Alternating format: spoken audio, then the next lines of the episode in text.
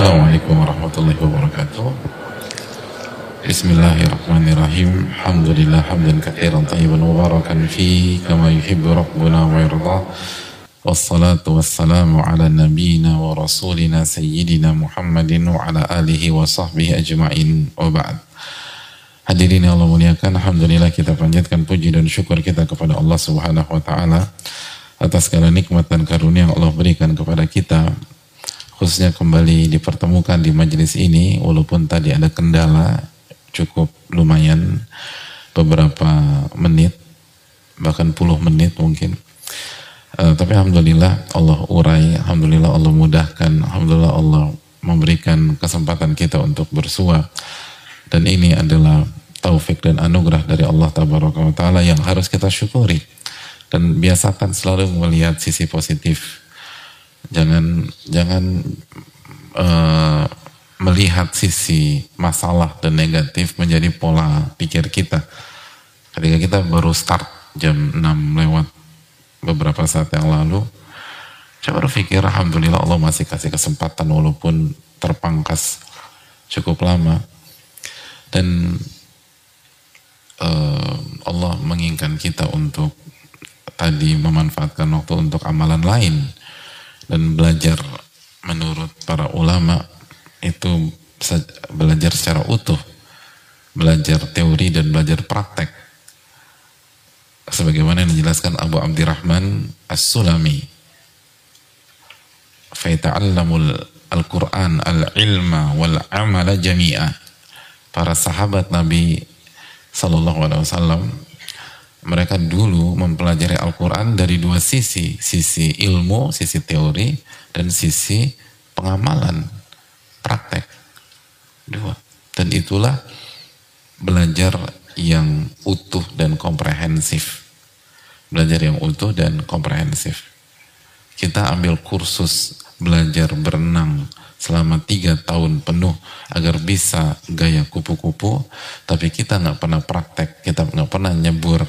Kalaupun nyebur kolam cetek yang semata kaki kira-kira kita bisa berenang gaya kupu-kupu nggak hadirin? Enggak mentok-mentok gaya bebas sebebas-bebasnya. Jadi bukan gaya bebas yang itu tapi udah nggak karu-karuan lah. Bebas aut-autan kenapa? Karena nggak pernah praktek. Padahal tiga tahun itu full setiap hari teori gaya kupu-kupu. Gitu loh. Mulai dari kepompongnya sampai kupu-kupunya gitu loh. Kalau ujian dapat 100 cum laude. Tapi selama Anda gak nyebur, Anda gak akan pernah bisa. Sama. Kita belajar sabar itu dapat nilai 100 selama nggak nyebur dalam kehidupan nggak akan bisa sabar kita. Gitu. Sama kita belajar keikhlasan, teori, jawab, definisi, ikhlas secara teori dan istilah. Selama kita nggak nyebur, nggak akan pernah bisa ikhlas. Ini butuh butuh taufik dari Allah dan butuh belajar. Tadi ketika ada kendala, itu kan belajar sabar, belajar berpikir uh, kreatif, belajar ketika oh ada masalah berarti saya harus cari alternatif amalan, saya zikir pagi yang belum, atau saya baca Quran, atau saya istighfar, atau saya bantu orang, dan seterusnya. Dan itulah kehidupan. Mana ada kehidupan bisa sesuai ekspektasi kita selama 7 kali 24 jam? Gak mungkin. Dan kita harus belajar untuk menghadapi hal-hal tersebut.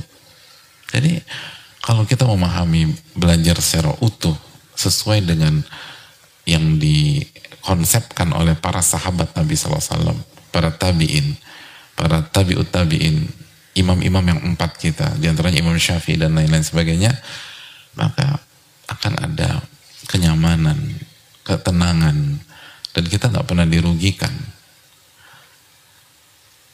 Karena ketika kita dirugikan, maka itu adalah momentum belajar bagaimana menyikapi sebuah kerugian atau sebuah kezoliman. Semoga kita diberikan taufik untuk bisa belajar hal tersebut. Dan yang namanya belajar kan enak teman-teman. Salah tuh wajar. Artinya manusiawi. Keliru itu ya, itu proses. Itu proses. Gitu. Makanya kan kalau kita mau apa namanya uh, mau jalan di jalan raya gitu. Dan kalau kita pelan-pelan atau agak mencong-mencong nggak di klakson-klakson orang maka di mobil antum atau tulis saja belajar mengemudi. Itu kita berhenti aja tuh tengah jalan tuh mungkin nggak di klakson-klakson. Gitu. Maka mungkin mau dibantu, mau dibantu mas gitu loh. Karena belajar. Orang tuh kalau belajar enak gitu loh salah-salah tuh aman. Aman tuh bukan ini tapi itu proses. Itu proses. Ya kan? Tapi coba kalau itu dipelototin disumpahin gitu loh. Ditunjuk-tunjuk. Tapi kalau terus belajar mengemudi udah. Mau klakson eh, belajar mengemudi wajar lah. Nah kalau kita dalam hidup seperti itu kan enak loh hadirin gitu lah. Saya masih belajar gitu kan enak. Jadi ya itu manusia pasti banyak salah hadirin sekalian. Jadi itu poin. Jadi sebenarnya nggak ada nggak ada apa nggak ada kerugian waktu sebenarnya pagi ini ketika ada kendala teknis yaitu belajar menerima kenyataan bahwa hidup ini pasti ada kendala. Dan bagaimana menyikapinya itu. Itu poin. Semoga Allah kasih uh, taufik kepada kita semua. Amin ya rabbal alamin. Hadirin Allah muliakan uh, salawat dan salam semoga senantiasa, tercurahkan kepada Rasulullah sallallahu alaihi wasallam beserta para keluarga para sahabat dan orang-orang istiqomah berjalan di bandungan sunnah beliau sampai hari kiamat kelak kita kembali bersama Imam Nawawi rahimahullahu taala Eh, semoga Allah merahmati beliau, orang tua beliau, keluarga beliau, orang-orang yang beliau cintai, guru-guru beliau dan seluruh ulama dan seluruh kaum muslimin di mana pun berada. Uh, kita masih bersama hadis Ummu Kulthum di riwayat uh, Muslim ketika uh, Nabi SAW bersabda walam atau ketika uh, riwayat tersebut menyatakan qalat Ummu Kulthum mengatakan walam asma'hu yurakhisu fi syai'in mimma yaquluhu an-nasu illa fi thalath. Dan aku tidak pernah mendengar beliau memberikan keringanan memberikan rukhsah untuk sesuatu yang diucapkan dalam kebohongan atau dalam uh, apa tauriah sebagaimana yang kita jelaskan. Illa fi thalath kecuali dalam tiga anomali tiga pengecualian yang pertama harap peperangan dan yang kedua al-islah bainan nas, islah di antara manusia. Dan ini poin kita, ini bab kita. Dan yang ketiga hadits rajuli imra'ata wa hadits al-mar'ati zaujaha dan uh, ucapan suami ke istrinya dan ucapan istri ke suami. Dan kemarin kita sudah jelaskan tentang uh, mengislah di antara manusia dan sekarang kita tutup dengan wa hadits ar-rajuli imra'atah wa hadits al-mar'ati zaujaha. Nabi SAW memberikan keringanan berbohong di uh, bagi laki-laki di hadapan istrinya dan istri di hadapan suaminya. Apa maksud berbohong hadir? Ini penting. Ini perlu untuk kita tekankan. Karena kalau salah bukannya Islam malah ribut nanti. Jadi apa maksud bolehnya ber, bolehnya suami berbohong ke istri dan bolehnya istri berbohong ke ke suami? Apa maksudnya? Ada yang mau jawab? Kata.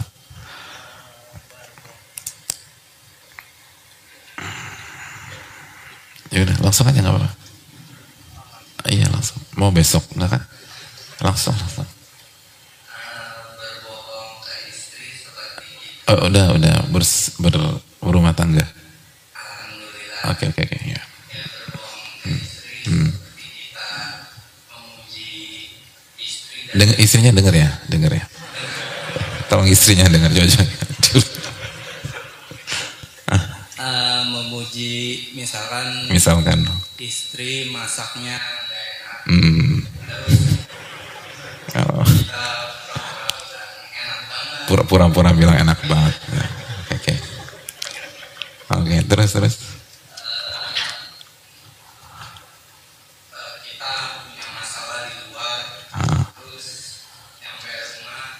Kita bilang masalah kita dia gitu. Bohong gitu. Oh, bukan, bukan. Padahal masalah kita di luar. Gimana? Oh, masalah di luar.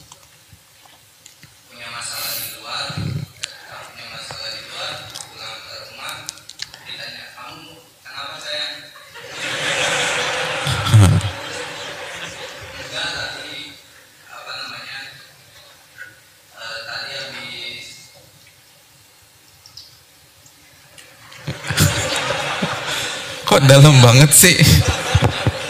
dalam banget loh. Antum ya iya lagi.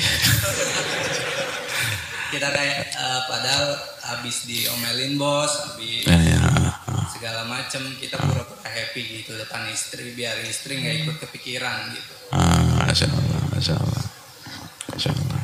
Dapat, dapat hadiah karena ini bohong atau kejujuran sih ini? Oke, syukur. Ya, makasih banyak, Mas. Sama-sama Ustaz. Um, Al-Imam An-Nawawi rahimahullah ta'ala mengatakan fal muradu bihi fi idharil wuddi yang dimaksud bohongnya suami ke istri atau sebaliknya itu fi idharil wuddi dalam mengekspresikan rasa cinta dan sayang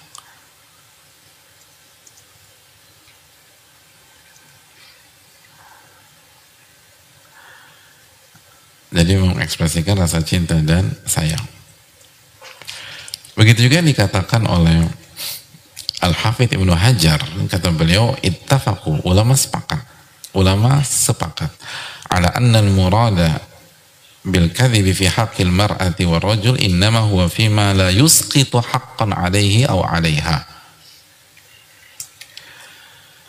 Yang dimaksud berbohong bagi suami istri adalah dalam hal-hal yang tidak sampai menghilangkan hak suami atau hak istri. Jadi ini bukan berkaitan dengan kita bohong karena kita ngambil haknya atau untuk mengambil haknya atau tidak menunaikan hak pasangan kita. Gitu. Lalu kita pakai alasan inilah, itulah dan seterusnya. Jadi ini untuk uh, mengekspresikan rasa cinta, bukan untuk uh, yang lain. Bukan untuk yang lain. Bukan untuk zolim. Bukan untuk menganiaya. Bukan untuk mengkhianati. Bukan untuk maksiat. Ini penting. Bukan untuk maksiat. Apalagi bukan untuk berzina dan lain sebagainya. Nasallahu afiyah dan semoga Allah jaga kita semua. Tapi ini bohong untuk menumbuhkan rasa cinta. Baik. Ada yang bisa kasih contoh nggak? Gimana kalimat ya, gombal antum gimana sih coba coba, coba. kita mau dengar ya tuh baju merah contoh ya contoh apa Iya yang apa ada ada, ada sisi bohong atau tauria untuk menumbuhkan rasa cinta gimana coba kasih contoh. Yang lain catat, yang lain catat siap-siap. Kamu lebih cantik deh dari Fulana. Itu bohong ya. Oh gitu, gitu itu. Kamu lebih cantik dari Fulana. Fulana ini siapa? Ayo, oke oke oke, kita nggak masuk ke sana. Itu itu. ya oke lah. Tapi itu biasanya bukan kalimat pertama ya. Itu ada ada drama dulu sebelumnya. Oke, okay, ada yang mau kasih contoh? Kalimat pertama lah gitu, jangan dan nggak usah bawa-bawa orang lain. Gimana? Tunggu, tunggu pakai pakai mic. Ah. Makasih banyak.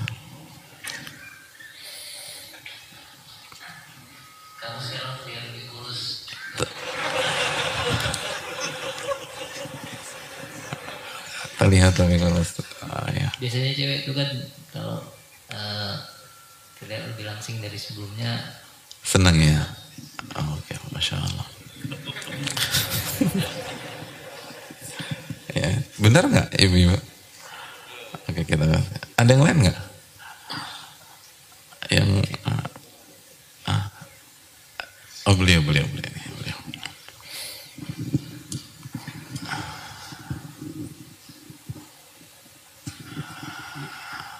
pelangi itu kan cuma tujuh warna. Ah, Tapi kok kamu bisa berwarna-warni ya, lebih dari warna pelangi.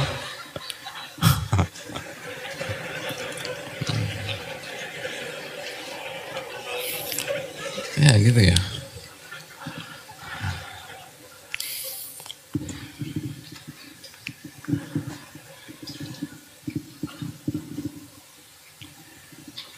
Ah, ada lagi nggak? yang itulah yang jauh banget. Iya oke. Pelangi itu ada tujuh warna.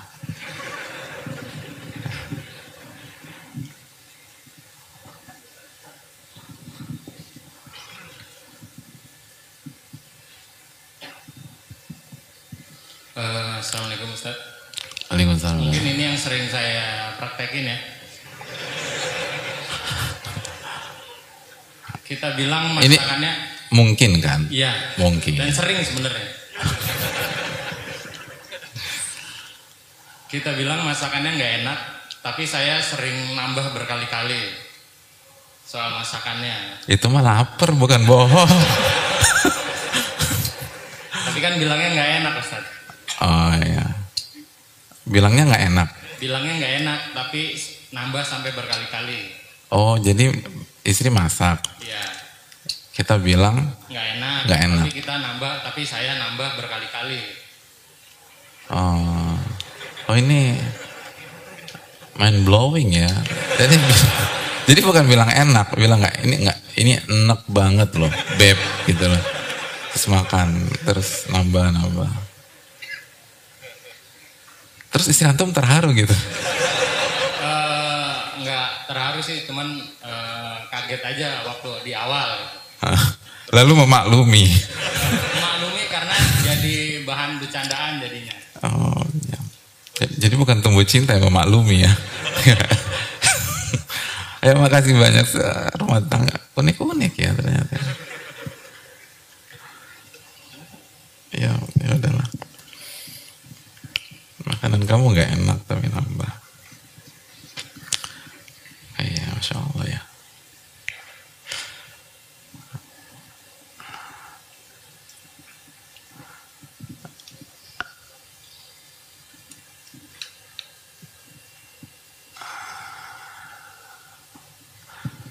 Nggak ada yang lain. Apa gitu yang ya. Belakang belakang.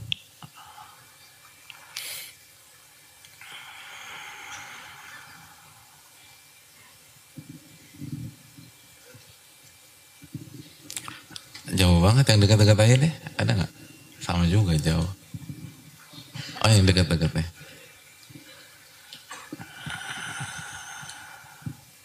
Bismillah. Kok bidadari bisa turun ke bumi? Oh, bidadari bisa turun ke bumi.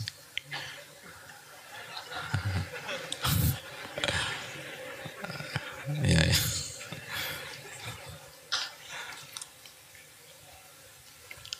Iya, iya. Jawabannya?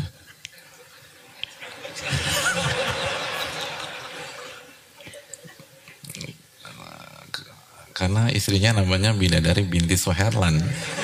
Panggilannya Dari. Kayaknya ada di bumi Bidadari. Oke, oke. Ya mungkin, oke. Udah ya, cukup ya.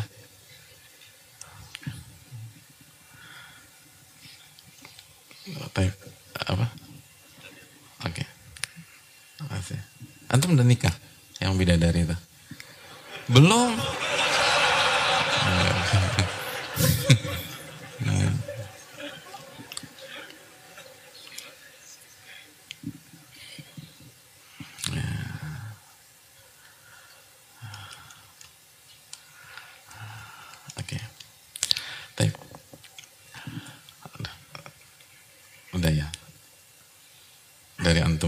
saya nggak usah. Tapi Bismillah, Alhamdulillah. Jadi ya, ya kira-kira seperti itulah. Kira-kira uh, seperti itu. Dan uh, sekali lagi tauria atau berbohong untuk menumbuhkan rasa cinta itu penting. Dan ini menunjukkan teman-teman sekalian bahwa uh,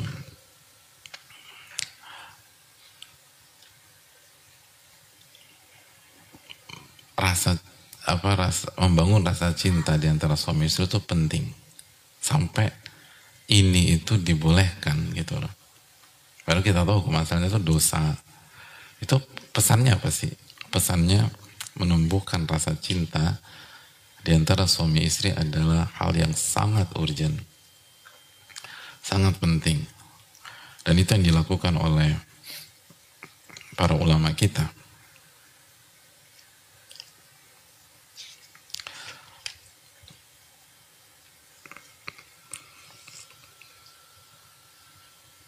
makanya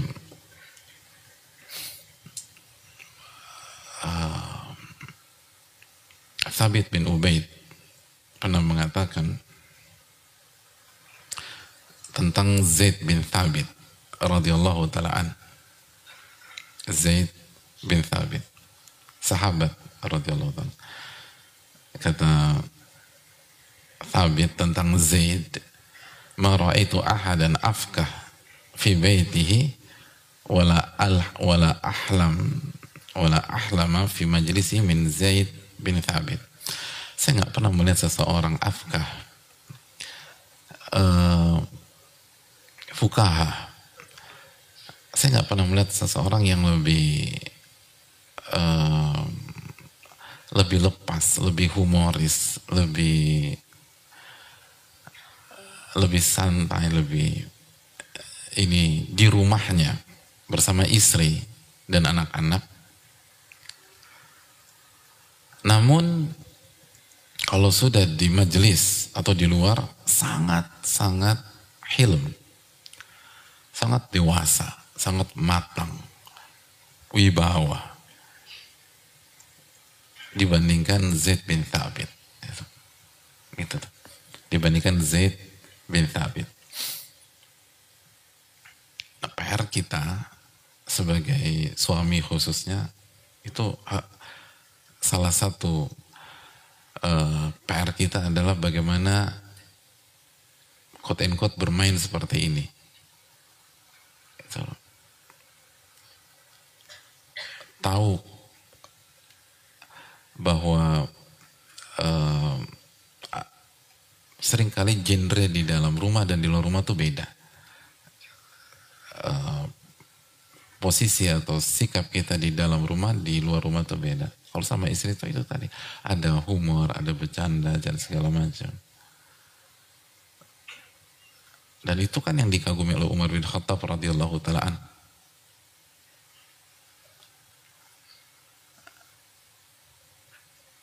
Umar radhiyallahu diriwayatkan pernah mengatakan bahwa saya kagum dengan seorang laki-laki yang apabila bersama istrinya itu dia bisa bermain seperti anak kecil. Tapi kalau keluar rumah singa. Gitu. Kata Umar, diriwayatkan Umar. Kalau bersama istri dia bisa bermain seperti anak kecil. Tapi kalau udah keluar rumah singa ini orang. Begitu. Karena yang, yang jadi masalah di sebagian kita itu itu tadi. Kalau main di luar di rumah singa gitu loh. Nah, ini repot. Istri dia bentak, dimarahin. Kecuali kalau dalam rangka mendidik ya. Tapi mendidik tuh nggak boleh pakai emosi. Mendidik tuh benar-benar objektif, terus jelas. Makanya sering kali kita salah alamat nih. Jadi di sama di dalam rumah itu harus ada sisi-sisi itu gitu ada sisi bercanda, sisi tauriahnya untuk membangun, sisi ada sisi gombal yang sesuai dengan uh, pakem yang tadi kita bahas.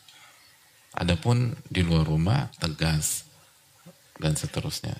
Bukan galak juga, maksudnya di luar rumah bukan ngegigit juga, ya bukan begitu. Tetap akhlakul karimah itu penting, Tapi pesan Umar saya rasa jamaah bisa membaca, saya berhadapan dengan orang-orang yang bisa membedakan sebuah konteks. Jadi bukan berarti di rumah di luar rumah memangsa dan menjadi buas yang enggak. Tapi maksudnya di rumah tuh harus beda teman-teman dan jamaah. Di rumah tuh harus beda. Karena Nabi SAW bersabda, khairukum khairukum li ahli wa ana khairukum li ahli. Sebaik-baik kalian yang paling baik dengan istri dan anak-anak, keluarga. Dan aku yang terbaik dengan istri. Gitu. Makanya banyak orang yang menganggap remeh ucapan Aisyah radhiyallahu taala anha ketika ditanya tentang Nabi SAW. Lalu Aisyah mengatakan karena khuluquhul Quran. Akhlaknya Nabi SAW itu Al-Quran. Ini kalimat simpel, sederhana, tapi dalamnya minta ampun teman-teman sekalian. Kenapa demikian? Karena kalau istri sudah muji suaminya, ah, beda itu. Makomnya beda. Jadi kalau istri sudah mengatakan akhlak suamiku itu Al-Quran, itu makomnya beda. Tapi kalau kita dipuji bahwa akhlak kita adalah akhlak Al-Quran oleh istri orang, belum tentu. Belum tentu. Belum tentu. Kita bisa bersandiwara. Tapi sama istri sendiri nggak bisa. Dir. Untuk benar-benar ngamalin Qurannya. Makanya itu tadi khairukum khairukum li ahli wa ana khairukum li ahli. Itu hal yang penting.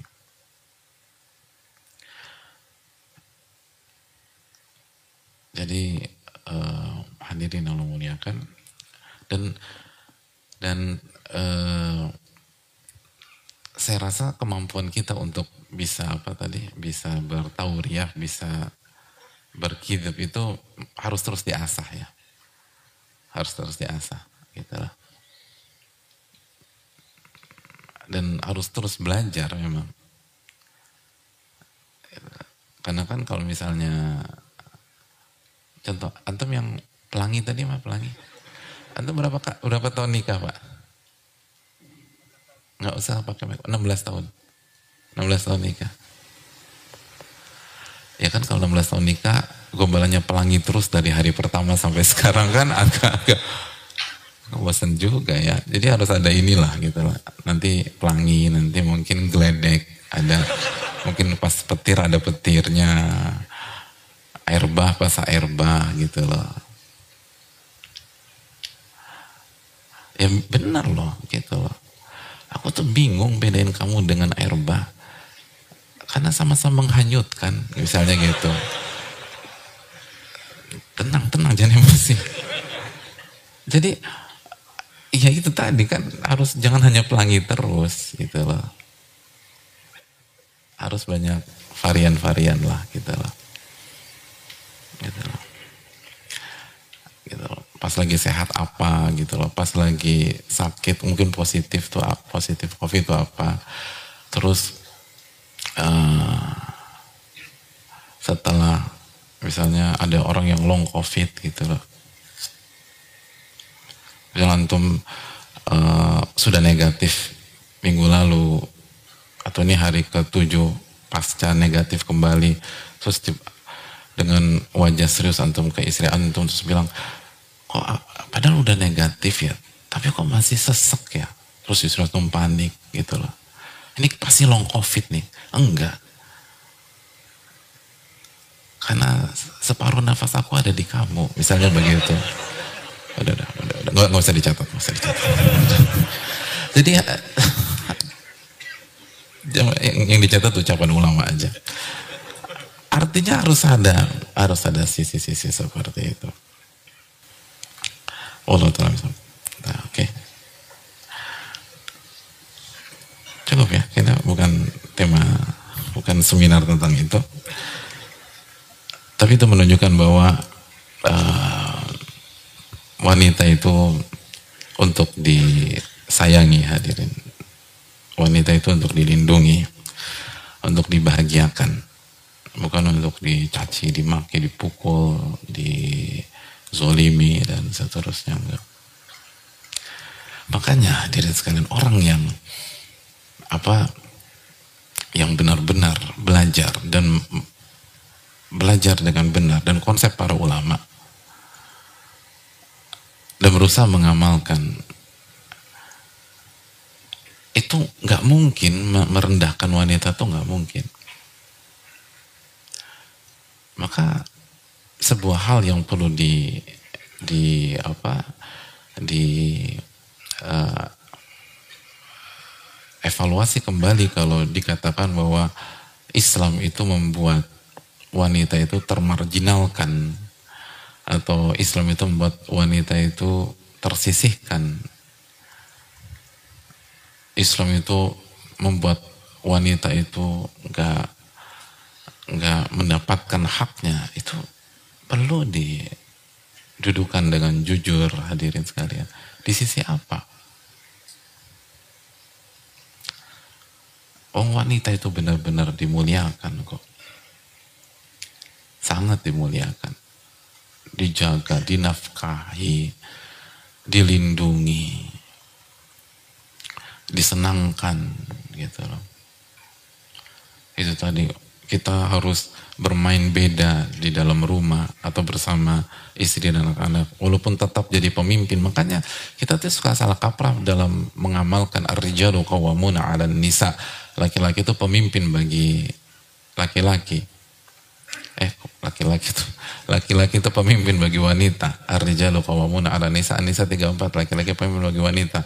Jadi pemimpin itu bukan berarti menindas atau mempush, menekan kan bukan itu definisi pemimpin.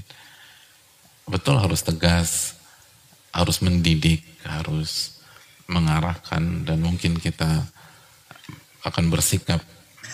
Tapi di sisi lain harus ada sisi menyayangi, ngemong, men, menceri, menceriakan dan seterusnya. Dan uh, hadirin yang Allah muliakan, uh, mafhum dari hadis ini, kalau kalau kita diperbolehkan bertauria atau berbohong untuk menyenangkan istri atau suami kita, maka mafhum mafhumnya dalam ilmu usul mafhumnya apalagi menyampaikan kelebihan pasangan kita untuk membuat dia senang. Om bohong boleh kok. Apalagi menyebutkan kebaikan, keunggulan, kelebihan pasangan kita di hadapannya agar dia senang dan bahagia. Itu mafhum. Mafhum itu pendalilan tersirat. Nah, bukan tersurat. Jadi kalau kalau yang yang tidak ada faktanya aja boleh, gitu loh. Apalagi yang jelas-jelas ada faktanya dan ini sering kali menjadi blind spot kita. Ada banyak suami merasa nggak dihargai sama istrinya atau istri merasa nggak dihargai oleh suaminya karena salah satunya kita lupa menyebutkan kebaikan-kebaikan istri atau suami kita yang ada nuntut nuntut nuntut nuntut dan selalu melihat sisi kelemahan pasangan kita. Lupa kita fokus ke kebaikan istri atau ke kebaikan suami. Itu. Dan ini penting, bukan hanya suami tapi juga istri. Karena kan Nabi SAW wanti-wanti istri. Yang paling banyak masuk neraka adalah wanita. Yakfurna, mereka kufur. Apakah kufur kepada Allah? Bukan. Tapi kufur kepada kebaikan dan kepada suami.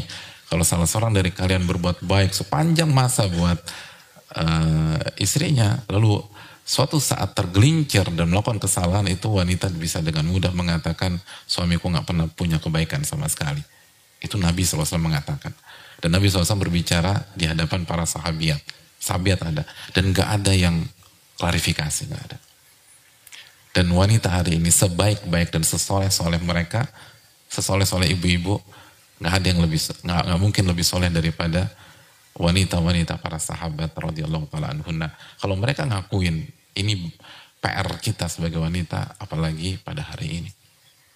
Jadi jangan pernah lupa kalau tauriah aja diperbolehkan, bohong diperbolehkan, apalagi kalau itu fakta. Sebutkan kebaikan suami kita, sebutkan kebaikan istri kita, sampaikan sehingga dia punya spirit, dia punya semangat, dia punya ini.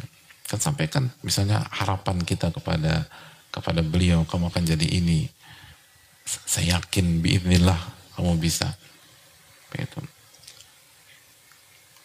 Sehingga apa memperbesar jiwanya setelah berzikir kepada Allah Tabaraka wa taala. Itu poin uh, hadirin dan jamaah sekalian dan ini penting sekali. Jangan pernah meremehkan karena yang di di itu bukan kesalahan kecil. Bohong itu bukan kesalahan kecil. Kalau ini diperbolehkan untuk membangun rasa cinta, ini berarti rasa cinta dan rasa sayang di dalam keluarga kita, di dalam rumah tangga kita itu besar. Dampaknya dan efeknya dalam kehidupan seorang muslim dan sangat mensupport ketakwaan. Sangat mensupport ketakwaan. Makanya kan Nabi Shallallahu Alaihi Wasallam uh, apa mengizinkan ketika istri dari Thabit bin Qais meminta cerai karena faktor tidak tidak cinta dan sudah berusaha begitu. Tapi khawatir kufur karena berat. Nggak mudah kecuali diberikan taufik kepada Allah. Karena ketidakcintaan beliau terhadap suami beliau itu beliau khawatirkan menjadi penyebab tidak totalitasnya beliau berperan sebagai istri dan memenuhi hak suami sudah berusaha semaksimal mungkin. Makanya respon Nabi SAW hanya apa? Atarudina hadiqatahu. Apakah kamu siap mengembalikan kebun yang dulu dijadikan mahar untukmu? Kata istrinya Thabit, iya. Kalau begitu, dipisahkan. Maka ini PR besar buat kita minta pertolongan sama Allah. Apalagi cinta itu Cinta itu misteri kata sebagian pihak hadirin dan itu pemberian dari Allah Subhanahu wa taala. Jadi mintalah kepada Rabbul Alamin. Saya rasa cukup sampai di sini kita break sebagaimana biasa dan insya Allah kita lanjutkan uh, dengan takdir sami. Semoga Allah kasih taufik buat kita dan semoga kita uh, diberikan pertolongan untuk menjadi suami yang baik dan istri yang baik dan semoga Allah mengampuni dosa-dosa kita sebagai suami, sebagai istri, dan khususnya sebagai hamba Allah Ta'ala. Subhanaka wa la ilaha illa anta astaghfiruka wa. Assalamualaikum warahmatullahi wabarakatuh.